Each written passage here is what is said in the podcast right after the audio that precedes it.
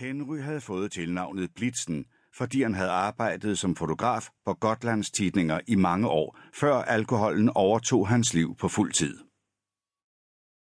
Ja, det tror der fanden med den træner, svarede han og rejste sig for at indlevere ved fem kupongen.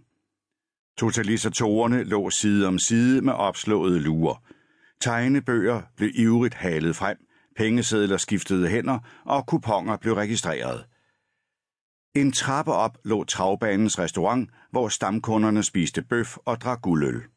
Garvede storspillere pulsede på cigarer og diskuterede hestenes dagsform og jockeyernes kørestil. Tiden nærmede sig. Den første jockey hilste som foreskrevet på måldommerne med et kort nik op mod dommertårnet, og speakeren annoncerede løbet start over højtaleranlægget. Efter fire ved fem løb havde Henry tilsvarende mange rigtige på kupongen. Hvis han havde heldet med sig, ville hele rækken være hjemme, og i og med, at han havde satset på den undertippede Ginger Star i sidste løb, burde gevinsten blive anselig, hvis hun altså indfriede hans forventninger. Starten gik, og han fulgte ekvipagen med så stor koncentration, han kunne mønstre efter otte guldøl og et ukendt antal skarpe for lommelærken. Da klokken indvarslede sidste banerunde, steg pulsen. Ginger Star løb godt, faktisk pissegodt. Jo nærmere hun vandt ind på de to favoritter i spidsen, des tydeligere trådte hendes konturer frem for ham. Den kraftige hals, de blafrende næsebor og ørerne, der pegede lige fremad. Hun kunne klare det. Nu ikke noget med at galoppere, ikke galoppere. Han gentog lydløst bønden som et mantra med blikket fixeret på den unge hoppe, der med rasende energi nærmede sig den. Nu havde hun passeret en af rivalerne. Pludselig blev han opmærksom på kamerats vægt omkring halsen, hvilket mindede ham om, at han havde tænkt sig at fotografere. Med nogenlunde sikker hånd knipsede han en serie billeder. Travbanens røde sand sprøjtede omkring hovene, der pløjede sig frem med afsindig fart – Jockeyerne piskede på hestene, og publikums ophidselse steg. Mange af tilskuerne rejste sig, nogen klappede i hænderne, andre skreg. Ginger Star avancerede udvendigt og lå nu på linje med den førende hest, og først da brugte jockeyen pisken. Dalstrøm rejste sig, mens han fulgte hesten gennem kameralinsen.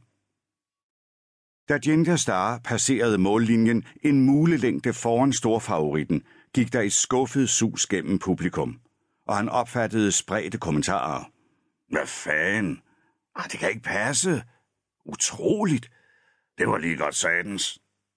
Selv sank han ned på bænken. Han havde vundet.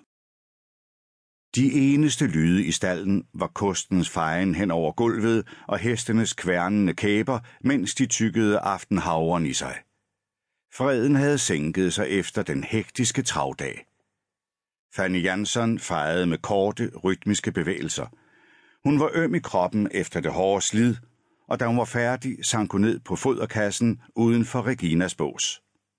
Hesten kiggede op for krybben, og Fanny stak hånden ind mellem træmmerne og strøg den over mulen. Den spinkle, mørkløde pige var alene tilbage i stallen, efter at have takket nej til at følges med de andre, der var gået over til restauranten for at fejre afslutningen på sæsonen. Hun kunne levende forestille sig, hvor støjende det ville blive. Værre end normalt. Hun havde været der nogle gange, men brød sig ikke om det. Der var hesteejere, som drak for meget og prøvede at lave sjov med hende. De kaldte hende prinsessen, greb fat om livet på hende og næv hende bagi. Nogen blev frækkere, jo mere de drak. De kommenterede hendes krop, både med blikke og ord. En samling gamle grise, det var, hvad de var. Hun gabte og havde heller ikke lyst til at cykle hjem. Ikke endnu. Hendes mor havde fri fra arbejde, og der var overhængende risiko for, at hun var beruset. Hvis hun var alene, ville hun sidde i sofaen med et misfornøjet udtryk omkring munden og vinflasken foran sig, og som altid ville Fanny få dårlig samvittighed over, at hun ikke havde tilbragt dagen sammen med hende i stedet for med hestene. Hendes mor havde ingen forståelse for, at hun rent faktisk arbejdede herhenne.